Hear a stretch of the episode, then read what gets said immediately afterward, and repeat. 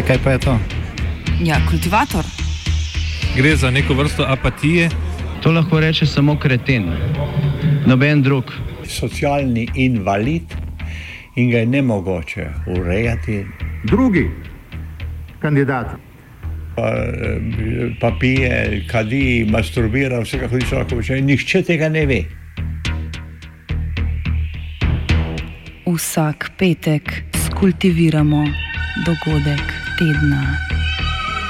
Lahko po kriterijih radio študent, težko pa po evropskih kriterijih. Ampak na drug način, kot vi tu mislite. Kultivator vedno užge. Da pač nekdo sploh omenja probleme, ki so, in da pravzaprav sploh nekdo sproži dogajanje uh, v družbi. To drži, drži.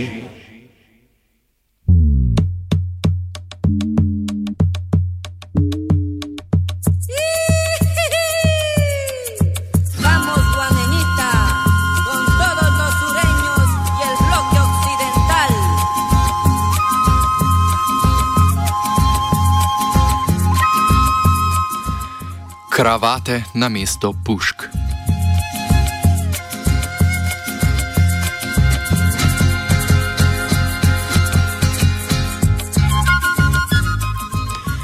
Kolumbijska vlada je podpisala nov sporazum z uporniško skupino FARC. Podpis sporazuma je zaključna faza štiriletnega mirovnega procesa in več kot 50 let trajajočega konflikta. Za podrobnejši upogled v konflikt prisluhnite odprtemu političnemu terminu z naslovom Kolumbija 50 let samote, ki je dostopen na naši spletni strani. Povzemimo le, da so ob zaključku prejšnjega stoletja Združene države Amerike s planom Kolumbija donirale velike količine denarja za boj proti trgovanju z narkotiki. Denar je okrepil kolumbijsko vlado, ki je z izgovorom boja proti prepovedanim substancam okrepila svojo vojsko in napade na levičarske upornike ter jih močno oslabila. Trincheras y barricadas encienden la capital. Trincheras y barricadas encienden la capital. V nasprotju s prejšnjim sporazumom, ki so ga kolumbijski voljivci zavrnili na referendumu 2. oktober, bo o novem sporazumu odločal parlament. Po zavrnitvi prejšnjega sporazuma na referendumu se je kolumbijski predsednik Juan Manuel Santos sestal s prejšnjim predsednikom Alvarom Uribejem in drugimi nasprotniki sporazuma. Nov sporazum prinaša spremembe skoraj vsem 57 točkam sporazuma. Med drugim ne predvideva upisa dogovora v ustavo, določa popis materialnih dobrin v lasti Farka in določa, da mora Fark predati vse informacije o njihovem odnosu do prekupčevanja z drogo. Zmanjšuje pa tudi denarno podporo, ki jo bo nova Farkova politična stranka prejemala iz javnih sredstev in šibi določila glede enakosti spolov v sporazumu.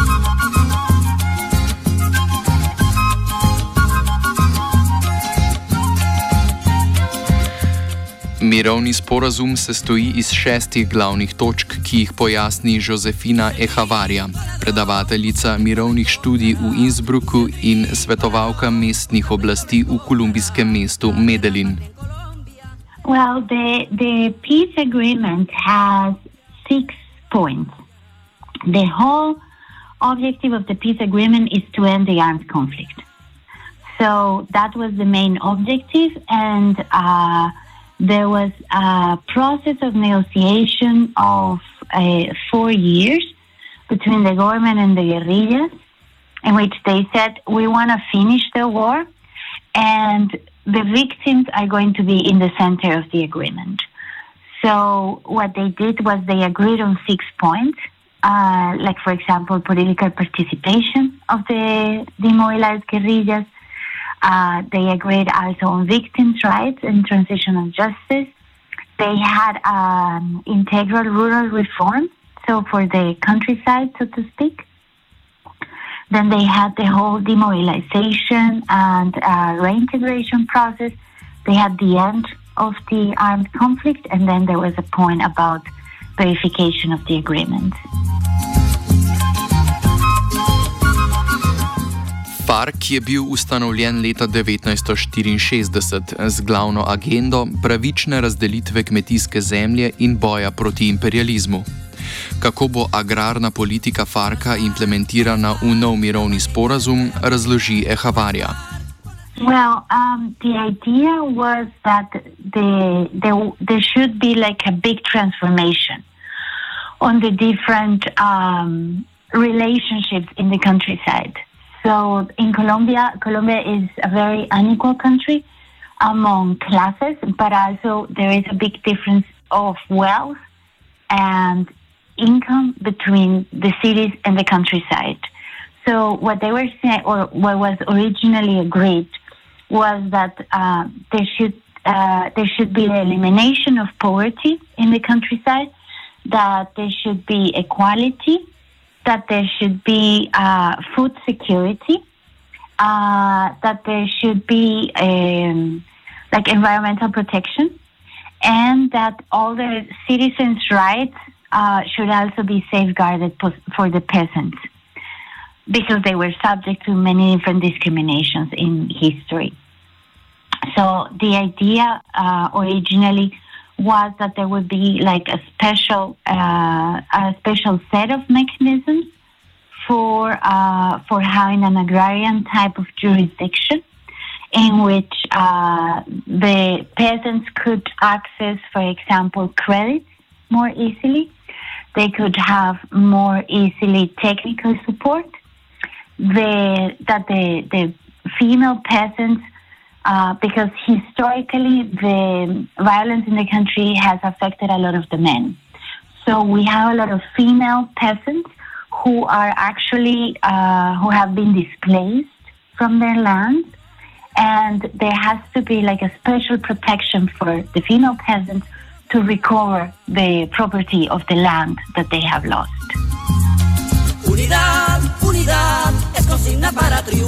Prvotni mirovni sporazum so na referendumu v začetku oktobra zavrnili močno organizirani konzervativci na čelu z bivšim kolumbijskim predsednikom Alvarom Uribejem, sicer nekdanjim političnim zaveznikom Santoša. K odnosu med nekdanjim in trenutnim kolumbijskim predsednikom se bomo še vrnili. Na tej točki pa omenimo tri glavne točke, okrog katerih se je mobilizirala pozicija. Opozicija, pardon. Politično participacijo opornikov, enakopravnost spolov in pravico za žrtve spopadov. I think it has three main differences. The first one is about political participation. The second one is about gender and sexuality. And the third one is about justice. So the first about political participation, what the original peace agreement was foreseeing was that uh, the demobilized guerrillas would form a political party and that they would be especially financed by the state and that they would have um, secured uh, parliamentary seats for the next eight years. In the new peace agreement, they won't receive any special finance. They would just receive, like almost any other political party, receive their financial support of the state. And they will not have these um, uh, different seats in parliament, but they would start competing with what we call these uh, positive discrimination groups. So in the Colombian law, there are special groups that have special seats in parliament. So the demobilized um, political party of the of the demobilized guerrillas would compete with these other special groups for those seats. Druga velika sprememba v sporazumu se tiče enakosti spolov. Katoliška crkva je z argumentom, da sporazum prinaša zmanjšanje pomena nuklearne družine, izsilila, da se iz dogovora črtajo sicer bolj progresivne določbe. Ehavarja. The second is about gender and sexuality because the original peace agreement was really very progressive in, uh, in giving equality of rights uh, for men, women, heterosexual, homosexual, transsexual, and so on, and all diverse identities. And um, one of the main points of criticism of the peace agreement was for the for the opposition was that the peace agreement had embedded a new ideology of gender. So they, they wanted that out of it, and actually they they they did that. So there were almost um, all of the mentionings of special treatment for discrimina- discriminated um, populations of diverse sexualities almost all of those mentionings were deleted from the new agreement. And that way, the church, the Catholic Church, is much more satisfied because they said that before what the peace agreement was doing was changing the constitution of the nuclear family, and they were not in agreement with that. Tretja mobilizacijska točka Uribejevih konzervativcev se je nanašala na žrtve spopadov. Stranka Demokratičnega centra, ki je pravzaprav koalicija političnih strank, ki nasprotujejo političnim agendam Farka in sorodnih političnih skupin, je zahtevala stroge povračilne ukrepe za gverilce. V Kolumbiji so imele prav v Uribeju močno zaslombo tudi desničarske paramilice. Tega problema sporazum ne naslavlja, umika pa amnestijo za Farkove borce. Because one of the main points of criticism of the original peace agreement was that the uh, guerrilleros were first going to be basically treated as a, as combatants, like all um, like other army officers, and now in the new peace agreement, the army uh, has a special treatment. And the other thing was that originally the, the transitional justice mechanisms were foreseen that the uh, guerrilleros will confess the truth in the process of, of demobilization, and they did not. Um, uh, the political crimes uh, would receive amnesty. And in the new peace agreement, what is said is that they would still be um, not necessarily imprisoned, but uh, they would go to special places where they would be uh, kept. So their liberty would be uh, restricted, but not in a prison. Novi sporazum se tako ne ukvarja z desničarskimi paramilicami. Več pove James Brittain, kanadski avtor knjige o Farku. I really don't think the peace agreement will resolve uh, the reactionism that will be implemented by right wing uh, paramilitary groups because those paramilitary groups are predominantly connected to both illicit and very licit uh, capitalist activities, be it within various forms of agricultural industries or the drug trade itself. So, what we'll actually see is rather than the paramilitaries having an excuse to go in and annihilate and implement uh, micro levels of genocide against peasants and campesinos throughout the, the rural regions, they'll have to find another excuse in order to justify what will continue, which is the marginalization of, of uh, you know, semi-proletarians, peasants, and uh, agricultural workers in the peripheries. So I don't think we'll actually see a decline in paramilitarized groups or, or so-called self-defense groups of, of right-wing uh, movements. I think that that will just be be framed and will be um, kind of localized within another type of language.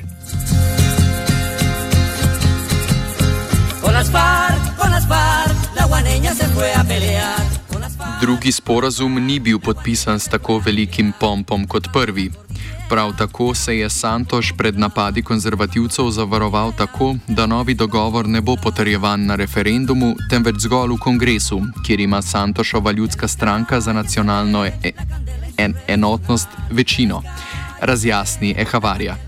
What happened is that um, originally, as you said, the first peace agreement was supposed to be uh, accepted in a referendum. And the referendum was lost. Now, the second peace agreement does not need to pass a referendum. It needs to pass in the parliament.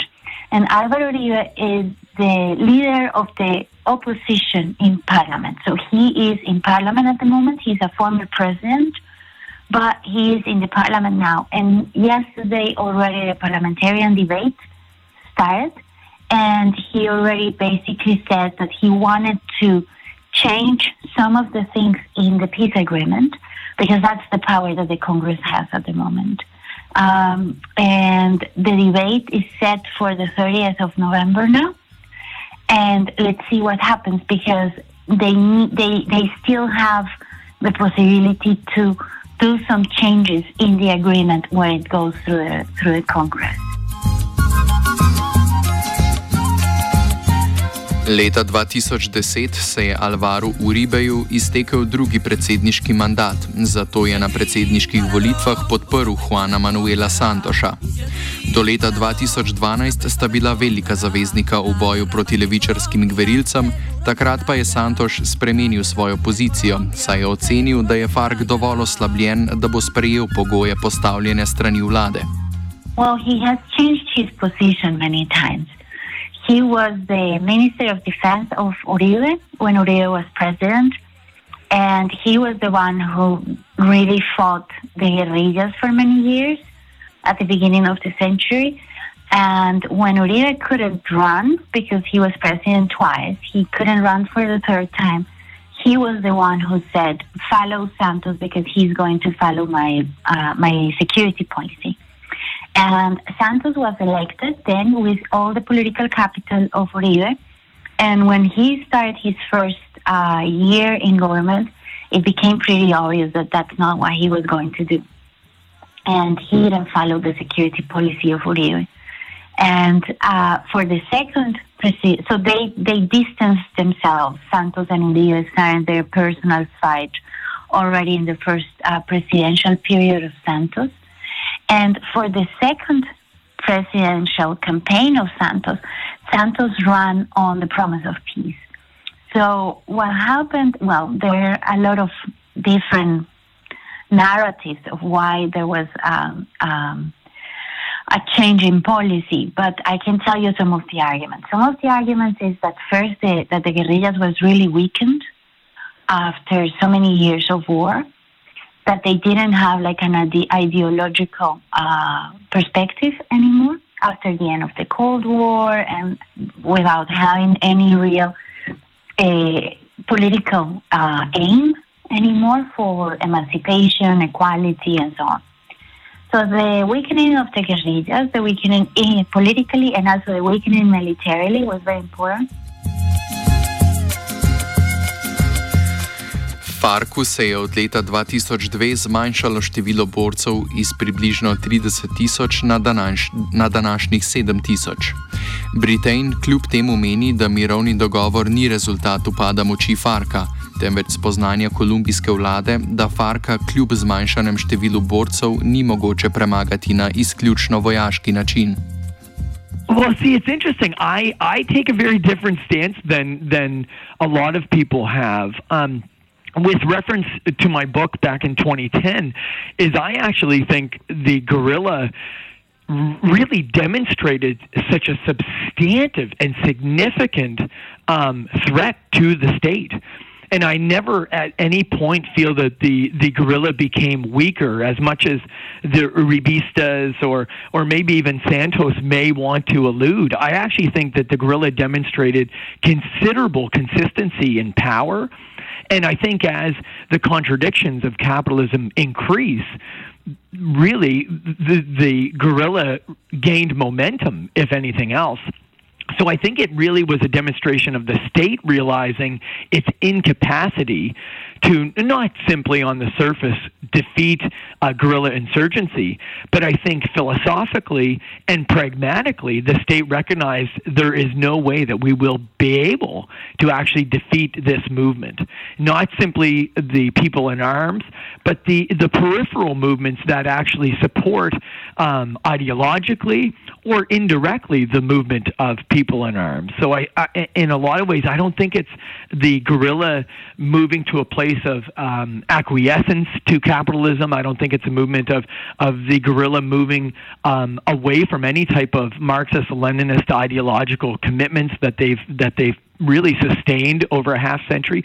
I think it's more the demonstration of a failed state and really a state being unable either by force or by uh, really hegemonic power to really uh, um, pacify its uh, segments of its population. So, so I think it's actually quite interesting um, that really we've entered into this, and this isn't to suggest that people aren't exhausted. You know, I think uh, in a lot of ways we're seeing something similar to what took place in Central America, where after many, many years of conflict, people become inc- incredibly bruised and battered by this, both psychologically, physically, emotionally, and culturally. And uh, and uh, so I don't think it's it's um, that the guerrilla um, have really moved away. I think that the guerrilla really recognized that. I think that the FARC-EP recognized how how tired uh, so to speak, people are within Colombia. And by reading the messages of the people from below, they have to, as a movement of uh, by and for the people, have to respond to that. So I think it's a really interesting dichotomy of, state failure, but also a, a very Leninist interpretation of revolution and the guerrilla recognizing that.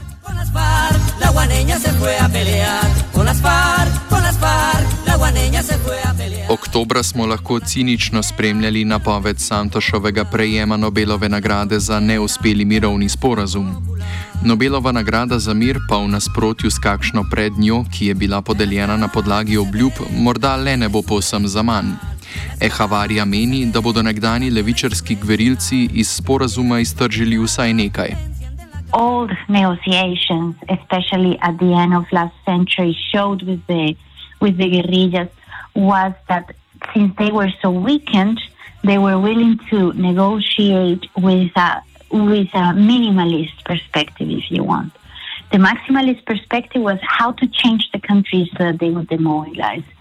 And this minimalist perspective is how can they demobilize so that they can then run into into political parties, democratic elections, and so on, and try to change the country. And the current way, if you want, is is more of a middle way. There are some reforms in the peace agreement, ever less now than two months ago. I mean, the peace agreement is way less progressive in terms of rights, in terms of transitional justice, uh, in terms of sexual respect and tolerance. Uh, but it still does not foresee a new development model for the country. So they're saying that one of the ideas for Santos, or one of the main um, let's say, uh, argument for Santos to start this new peace negotiation was that he really also saw the opportunity in terms of becoming one of the most important historical figures in the country. And I agree. I mean, obviously, he just signed a peace agreement with the FARC. I mean, and he just got a Nobel Peace Prize, or will receive it very soon. Para triunfar, unidad, unidad, es consigna para triunfar. Ecuador, Perú y Za mnenje o tem, kakšne družbene spremembe lahko prinese podpis sporazuma, smo vprašali tudi Jamesa Britaina. Yeah, I think that's a great question. I, I think, and I think that that is, as with many times that Colombia has come out of peace negotiations or, or so-called peace uh, negotiations, is I think a lot will um, is yet to be revealed, and I think one of the main, if not the main issue that has really projected this conflict of of uh, 52 years is the notion of uh, really access to the means of production, access to land, access to resources, which are massively centralized in the hands of very, very few within this country. And so I think the social outcomes will take years because uh, really people don't want to um, engage in a civil war. I, I really don't think people mobilize themselves around revolutionary themes because they're just bloodthirsty and, and want to fight. I think people come to a very clear uh, and concise notion of their class consciousness, and then when no other means are made available, I think that people feel that the only last resort is to take up arms. And I think that unless the issues of land, the issues of resources, and really the the increased distribution of wealth that's within Colombia, unless that actually takes place, I don't really think there will be uh, any any any substantive social outcomes from the peace agreement. So I know that's probably not the answer that that uh, you know a radio station wants to hear, but I think that we we can't really judge anything yet until we actually see real material, real objective um, um, responses uh, come come to a head, and and I think so. So I think you know that's something that will maybe come to more realization over a two-year, five-year, and ten-year uh, trajectory rather than just the signing of a piece of paper. Con las con las la guaneña se fue a pelear. Con las con las la guaneña se fue a pelear. Trepando la cordillera popular. Trepando la cordillera en la ofensiva popular. Kultivirala sta vajenka Tina in Lio.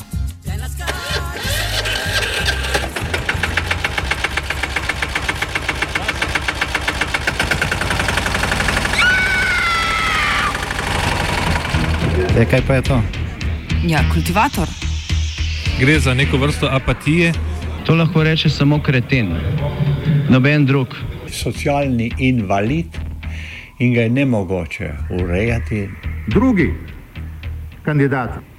Pa, eh, pa pije, kadi, masturbira, vse kako ti lahko reče. Nihče tega ne ve. Vsak petek skultiviramo dogodek tedna. Lahko po kriterijih radio študent, težko pa po evropskih kriterijih. Ampak na drug način, kot vi to mislite. Kultivator vedno užge. Da pač nekdo sploh omenja probleme, ki so, in da pravzaprav sploh nekdo sproži dogajanje uh, v družbi. To drži, drži.